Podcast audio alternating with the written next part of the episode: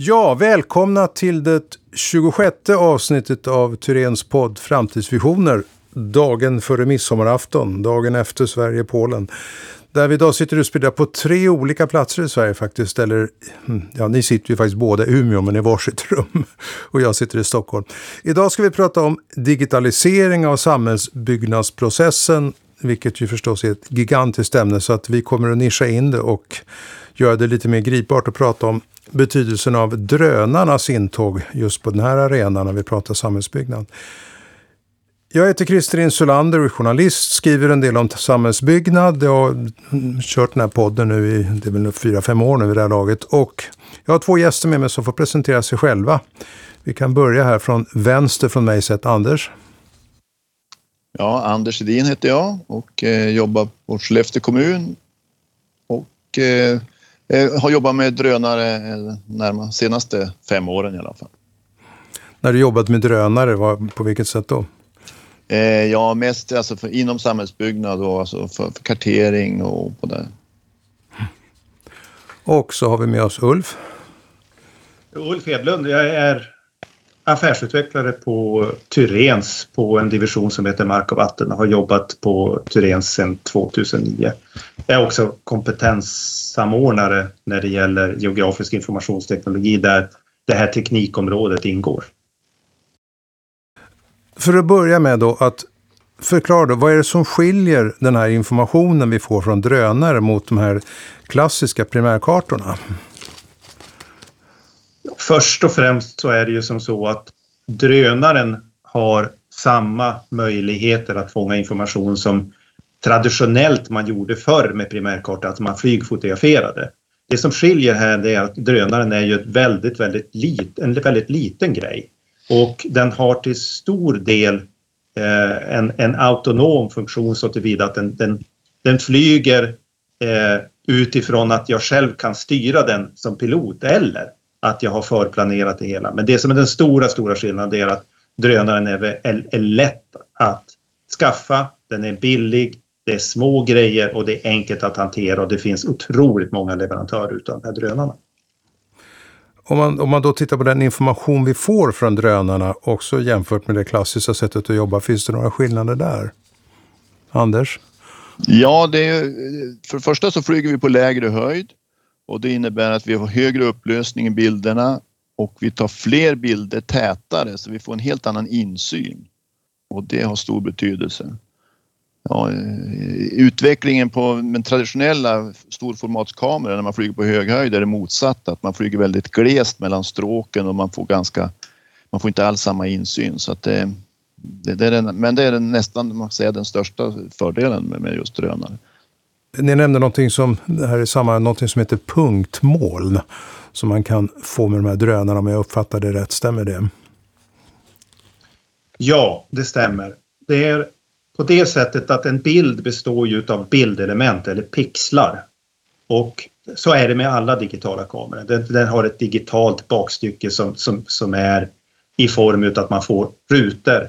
Eh, de här rutorna, eh, eller bildelementen, i drönaren så kan man faktiskt bestämma var varje enskild pixel befinner sig i rymden helt enkelt.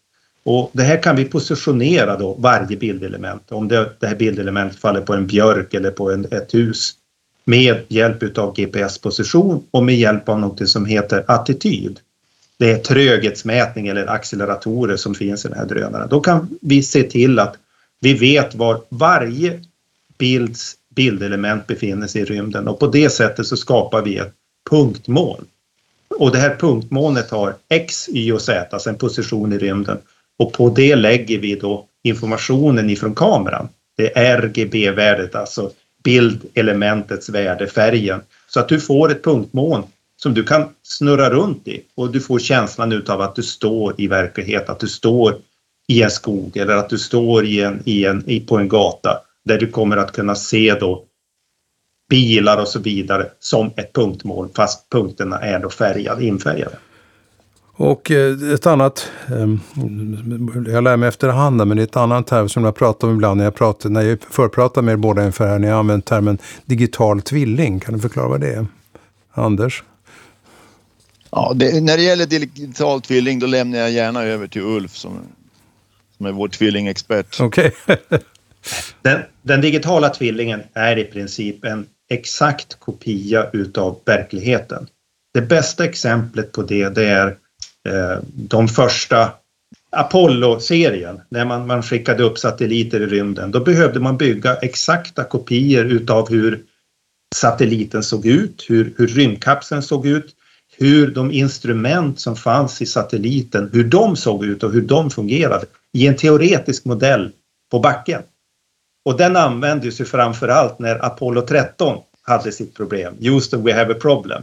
Där hade man alltså en exakt kopia nere på backen som man då gick igenom de olika funktionerna teoretiskt sett i den digitala tvillingen.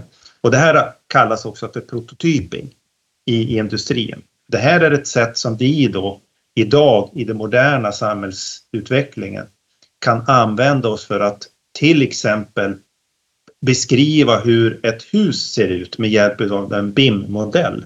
Den BIM-modellen kan då kopplas mot temperaturgivare och andra saker och för att se vad är temperaturen just nu och vi kan använda det datat också för att analysera. Men då måste vi ha en exakt kopia, en digital kopia i vår dator för att åskådliggöra, visualisera de värmeinformationen som vi får. Och den visualiserar vi då i den digitala tvillingen utav byggnaden. Eh, vi har ju redan varit inne på det här och vi pratat, men, men förutom då att det, är, att det är billigare och enklare, vilka fördelar finns det mer ur ett samhällsbyggnadsperspektiv då, det som vi pratar om, att använda drönare? Anders? Ja, en stor fördel det är just det att eh, fler kan använda det och man löser speciellt det här med ajourhållning. Eh, traditionellt har det varit så att flygfoto har man möjligen gjort en gång per år, har man beställt det. Men i det här fallet så kan man ju få med ett, ett, bygga upp ett system där man har löpande ajourhållning oavsett vilket tema det är man vill uppdatera. Eh, flera fördelar som ni tänker på? Jag tänker på det här till exempel med eh, fysisk närvaro, risker, sådana saker under själva eh, fotograferingen. Det, det vi har tittat på den senaste tiden det är att använda sig av drönaren som bärare utav andra typer utav, av utrustning. Eh, man kan koppla på värmekameror. Man kan använda drönaren för att sänka ner andra typer utav sensorer. Och där håller vi just nu på med ett stiftelseprojekt som handlar om att mäta grumling i vatten. Eller turbiditet som det heter. Så att där ser vi framför oss hur vi flyger till förbestämda positioner. Och det gör då drönaren med, med automatik och sänker ner, eh, firar ner den här, den här turbiditetsmätaren och mäter, lyfter upp det hela, flyger till nästa position, sänker ner och, och, och återkommer då med, med datat. Och det här kan man då repetera. Det andra så, så, som det här är, det är att vi kan närma oss positioner utan att vara på plats. Och det kan ju vara riskfyllda områden, att det är skredområden, att det är saker och ting där man inte bör vara som, som, som enskild person eller att vi inte behöver ta våra, vår mätutrustning. Och där kan då drönaren både styras till objektet och att vi kan fjärrstyra det. Vi kan se hur det ser ut i ett skredområde. Och det är också ett projekt som, som vi håller på med med eh, ett annat företag som ligger långt framme vad det gäller utveckling. Finns det några eh, kvalitetsrisker? Jag tänker på när vi pratade vid förut var det någon som, av er som sa att det här är liksom en, det är en revolution. Det är som när desktopdatorn kom inom min bransch och alla plötsligt satt och gjorde tidningar på kammaren. Men ett resultat av det var ju att kvaliteten på de här tidningarna var ju, gick ju rätt ner i källaren därför att de som skötte det var inte kunniga, inte utbildade. Finns det någon motsvarande risk här nu när varenda en kan använda en drönare i princip? Ja, det, det stämmer ju och, då är det, där är det framför allt på geometrin. I och med att det, det, det, man kan ju, det är ju ganska lätt att samla in bilder, det är lätt att ta bilder men eh, eftersom man har många bilder då så kan geometrin i en, i en bild som man då satt samman kan vara väldigt ojämn och det kan vara väldigt svårt att bedöma det om man då får tag i den, den produkten som i tredje hand. Då. Så att det innebär ju att det är väldigt viktigt att man att den som vill använda det här inom samhällsbyggnad har koll på hela kedjan och vet hur en bild har varit producerad och ja, ta ansvar för, för, för metadata, alltså beskrivande data kring hur den här bilden och, och datat. Så det krävs fortfarande kunskaper? Eh, mycket kunskaper skulle jag vilja säga i, de, i, de, i de stegen. Men själva fotograferingen är, är, är ganska enkel så att säga. Det, det är en automatiserad pro, process. Men efterbearbetningen och koll på geometrin är en, ja, det är en, det är en viktig fråga när, när det gäller för, just för karttillämpningar. Mm. Jag kan lägga till att det är ju också på det sättet att eh, det här innebär att eftersom det blir var mans egendom och att vi kan använda det bland många kompetenser i Turens så är det också viktigt att, man är, att vi har en professionalitet i att förstå att vi använder bilder. Och bilder, om man ska publicera dem, de måste man ta hänsyn till dels rikets säkerhet. Man måste också ta hänsyn till individens skydd eh, och det GDPR och så vidare. Och, och här finns det ett ganska strikt regelverk kring hur, vem som får flyga, att du måste vara utbildad, att Tyren som företag måste vara registrerad som operatör, att du med det bildmaterial som du fotograferar, om det är tillåtet att fotografera där, att det också ska säkerhetsgranskas om du ska publicera det här materialet. Så det finns den typen av hänsyn som måste också tas. Eh, när vi är inne på det, finns det flera utmaningar eller hänsyn man måste ta när man jobbar med drönare, förutom den här integritetsfrågan och GDPR? Ja, vi har ju ett nytt regelsystem som har gjort det, reglerna tydligare och det har vi ju sedan första januari i år då. Och det innebär att det är, eh, om man ska flyga över folk och, och över bebyggelse så får, måste man i, i dagsläget använda en drönare som väger under 500 gram. Och eh, framöver, om ett eller två år när, när andra drönare har kommit fram och är certifierade, då kan de få väga upp till 900 gram. Men det är ändå så att man, man måste hålla koll på det där regelsystemet.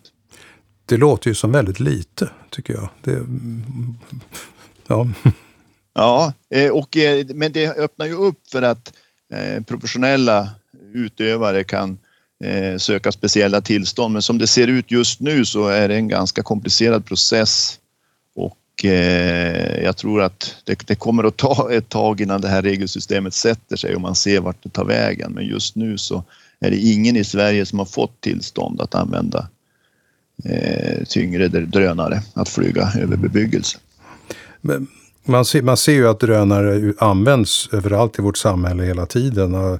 Alltifrån robotdammsugare till eh, varenda filmproduktion vi ser nu har ju väldigt många eh, fågelbilder, vyer tagna med drönare som hade varit väldigt avancerat tidigare. Men om vi pratar då på samhällsbyggnadsprocessen, kan ni ge exempel på nytta, alltså konkret nytta vi har av det här eh, arbetet vi gör? Jag kan, kan, kan först kanske lite granna vad, vad är det egentligen som har möjliggjort det här? Vad är det som har möjliggjort att det är, det är enkelt att flyga med de här små, små instrumenten? Jag menar ett halvt kilo, det är ju ingenting. Och att det finns en kamera där. Och du är inne på robotdammsugare. Det, återigen så är det som så att, att eh, forskning och utveckling har tagit den här tekniken framåt och då är det inte inom vårt teknikområde kart och mät eller något sånt utan det här är robotisering. Alltså att du, du kan med hjälp av bildalgoritmer idag så kan du låta en robotdammsugare eh, fota eller skanna utav området. Och med hjälp utav det så bygger den upp en digital tvilling utav din lägenhet. Så att den effektiviserar och optimerar hur den ska färdas i, i, i, i ditt vardagsrum.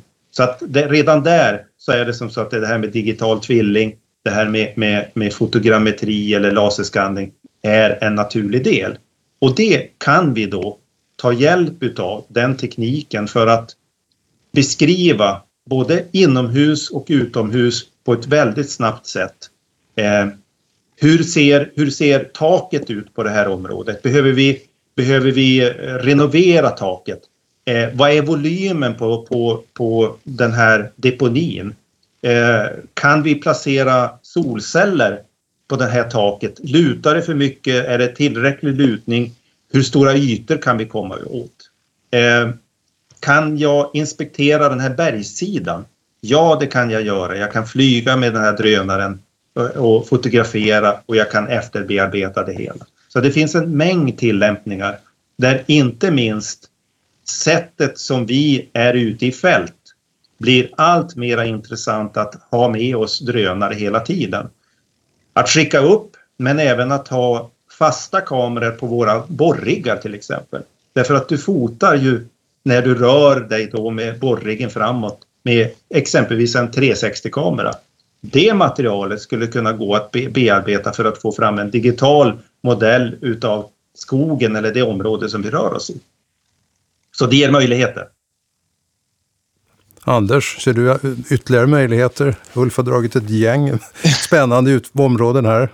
Ja, det är ju, men om jag då är mera i den verksamhet vi har idag så är det ju en stor skillnad att vi vi har ju ett kartmaterial som vi försöker uppdatera och, och det är ju en ständig kamp i, i, bland kommunerna att, att hinna med det och ha resurser och tycka att det är värt det. Men i det här fallet kan vi då uppdatera eh, en, en, en karta, en kvadratkilometer av en karta bara genom att flyga det på, på en förmiddag.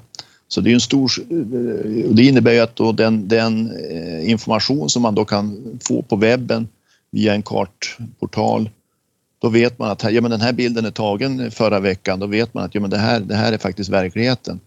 Men tittar man på en karta från, från, som är två år gammal, ja, då, man, då vet man inte riktigt hur det ser ut. Och det innebär att man kan säkert spara pengar i, i många olika, eh, inom olika branscher. Där man annars kanske måste åka ut och titta, men här vet man exakt hur det ser ut. Um, ytterligare an användningsområden, alltså jag tänker ju på trafikplanering, jag tänker på Hemnet, jag tänker på sådana saker. Ser ni ytterligare användningsområden där drönarna har bidragit till utvecklingen? Vi har ett, ett antal pågående Eh, utvecklingsprojekt i Turens. Ett utav dem tittar på att hitta igen eh, sprickor eh, eller problem med betongkonstruktioner. Och där tar vi hjälp utav drönare eh, för att utvärdera, göra processer kring bilderna. Därför att bilden och maskinlärningen i det här fallet eh, ser saker som det mänskliga ögat inte ser. Eh, så det betyder att, att genom att använda sig av drönare, genom att använda sig av bild eller annan typ av, av, av sensorteknik så kan vi flytta in den informationen i och träna upp ett AI att lära sig att känna igen saker. Alltså vi börjar med att vi vet att det finns eh, problem, kanske i en konstruktion utav något sätt. De har vi dokumenterat. Vi flyger det hela, sen tränar vi då AI eller mönsterigenkänningen på att säga att där och där och där är ett problem. Och sen bygger vi då en ny algoritm som gör att vi kan gå till andra ställen och hitta igen de anomalierna i den här konstruktionen. Så det betyder att automatiseringen med hjälp av drönarteknik, den är väldigt, väldigt intressant för oss på, på många sätt. Och det innebär naturligtvis att drönarna lever ju inte sitt eget liv utan de är ju beroende av andra digitala landvinningar som går parallellt. Alltså du har ju nämnt BIM här och eh, finns, finns det annan teknikutveckling just nu som också, som, förutom det vi har pratat om, som underlättar användningen av drönare just i samhällsbyggnad? Anders? Ja, men den samköring av olika typer av sensor, alltså sensorer och att eh, jobba i realtid. Man kan ju, Eh, där, där får man ju en, också en, eh, en vägning där med den här, om vi säger personliga integriteten, men man kan ju tänka sig en samkörning av, av drönardata med, med eh, positioner på, på telefoner och så vidare. Så det, är ju, det, det, gränsar ju också till övervakningssamhället så att där, där finns det ju många frågetecken. Så det, det är väl så att finns, det finns möjligheter men det finns ju lite hot också i, i vissa av de här övervakningstillämpningarna. Eh, det är också så att eh, det som driver det här väldigt mycket det är att saker och ting med anspelning på det här med den lätta vikten, ett halvt kilo. Det driver också på utvecklingen på att det blir mindre och mindre kameror. Det blir mindre och mindre GPS-enheter med högre precision. Det blir mindre och mindre eh, attitydmätare, alltså tröghetsmätningen. Eh, så att det, det, sker hela tiden en, en, en drift emot att det ska vara smått, det ska vara enkelt och det ska vara med hög kvalitet. Och, och, och den utvecklingen, den, den ska vi följa oavsett om man, man är, jobbar inom en kommun eller inom staten eller i ett privat företag. Den är jätteintressant. Om vi då tittar framåt några år, eh, fem år, tio år, jag vet inte. Vilken utveckling, vilka möjligheter ser ni då med den här tekniken och hur som den utvecklas? Ja, jag, jag ser ju att det du inledde med, eller i alla fall prata om det här med punktmål. Eh, att eh, om man tänker sig en, en, eh, en, en stad där, där man har ett noggrant punktmål och då innebär att då ligger man på, då har man data om beskriven, alltså all data är beskriven men den är inte intelligent, det är alltså det är enstaka punkter bara. Men sen har man då ett AI som man, den, när man vill ha någonting ut från det här punktmolnet då kör man en, en, en AI-körning inom det med vissa kriterier och så får man ut den information man vill ha. Så det är lite med on demand så det går mot att man har en, en, stor datamängd men den är inte riktigt bearbetat klart och sen kör man en, eh, en beräkning och så får man ut det, det man frågar efter. Och, och, vilka framtida, stora framtida användningsområden ser vi i så fall? Det är, det är dokumentation och det är dokumentation i realtid. Att vi, vi behöver inte som vi gör idag, att våra specialister behöver vara på plats. Att man behöver göra en okulär besiktning, att man, man måste på det sättet färdas. Det vill, vi, det vill vi undvika. Dels för att vi vill vara ett miljövänligt företag, att vi vill inte åka i bilar och så vidare. Med drönartekniken kan det här innebära att vi på distans kan flyga en drönare in mot ett område och vi kan få information live utav hur det ser, ser ut. Och det, det, innebär att man behöver alltså inte vara så många människor i, i, i, samma projekt. Det andra, det är att jag tror att det behöver inte vara drönare i framtiden, utan det kan vara givetvis våra mobiltelefoner. Det kan vara våra GoPro-kameror, det kan vara andra typer av saker som föder den här informationen live. Och att vart än vi färdas i vårt yrke i Tyrens så kommer vi att se till att dokumentera där vi färdas. Oavsett om det är på våran cykel eller det är våran bil eller, eller någonting annat. Det jag tänker på också idag, som du pratar om, vi kan få fram information live. Det är då, vad innebär det, vilka framtida användningsområden? Jag menar, en bygglovsansökan kanske kommer att se helt annorlunda ut. Transport, distribution, vad, vad, vad ser ni där, den här utvecklingen? Mm, rent konkret, vad, vad kommer vi kunna använda det till, den här live informationen? den kommer att vara ett eh, aktuellt situation, en uppföljning. Eh, de förslagna åtgärder som vi har gjort i form av att vi, vi, vi eh, ser till att göra en, en, eh, en meandrad bäck, att vi, vi, vi gör insatser med att vi, hur vi landskapar ett område och så vidare. Det kan vi följa upp hela tiden. Vi kan se hur det här arbetet fortlöper. Vi kan som byggledare eh, ganska snabbt se om görs det här på rätt sätt när det gäller att packa, packa det här området med, med makadam? Eller är det som så att man har glömt bort att göra det här tätskiktet innan man packar? Alltså det finns mycket sådana saker som är på gränsen då till lite otrevliga kontrollsaker. Men det, givetvis är det också i positiv bemärkelse att vi kan, vi kan följa upp och vi kan få svar på omedelbart eh, hur situationen är. Händer det någonting? Eh, vi, kan, vi kan svara på frågor som kommer ifrån våra kunder där de säger vi skulle vilja ha ett utlåtande om det här. Och då kan vi skicka en drönare dit, vi fotograferar det hela.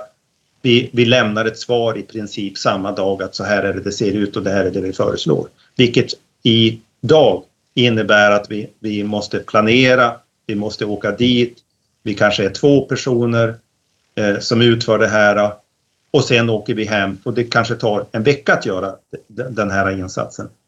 Det gör också för, för oss som konsulter att vi kan bli mer och mera konsulter. Vi kan samla informationer, vi kan lämna, lämna väldigt, väldigt precisa utlåtanden. Vi kan göra analyser på ett helt annat sätt som, som, som gör det också mycket, mycket mera intressant för kunden att anlita oss som, som experter. Vad säger du Anders, har du någon vision av framtida användningsområden här? Ja, alltså den, den eh, självkörande bilar är ju som en, det som har drivit utvecklingen de senaste åren. Och, och, och, där är ju då är frågan hur mycket information behöver de här bilarna? Nu, nu satsar man ju mycket på att ha egna sensorer i bilarna och att de ska bli mer eller mer självförsörjande. Men det kan mycket väl vara så också att, att, att den här bilen skulle kunna navigera i ett, i ett punktmoln och sen eh, att eh, man då så att säga ser variationer i det här punktmolnet. Det kan alltså vara barnvagnar eller hundar eller människor som rör sig och på så sätt så skulle man kunna få en säkrare, säkrare, eh, ja, säkrare system med självkörande fordon. Det låter ju både spännande och lite läskigt. Mm. Innan vi avslutar här, är det någonting som någon av er vill tillägga som ni tycker att vi inte har lyckats prata om och fått fram här under samtalet? Jag tycker, jag tycker det är väldigt intressant att den här tekniken har kommit och att det har gått så fort.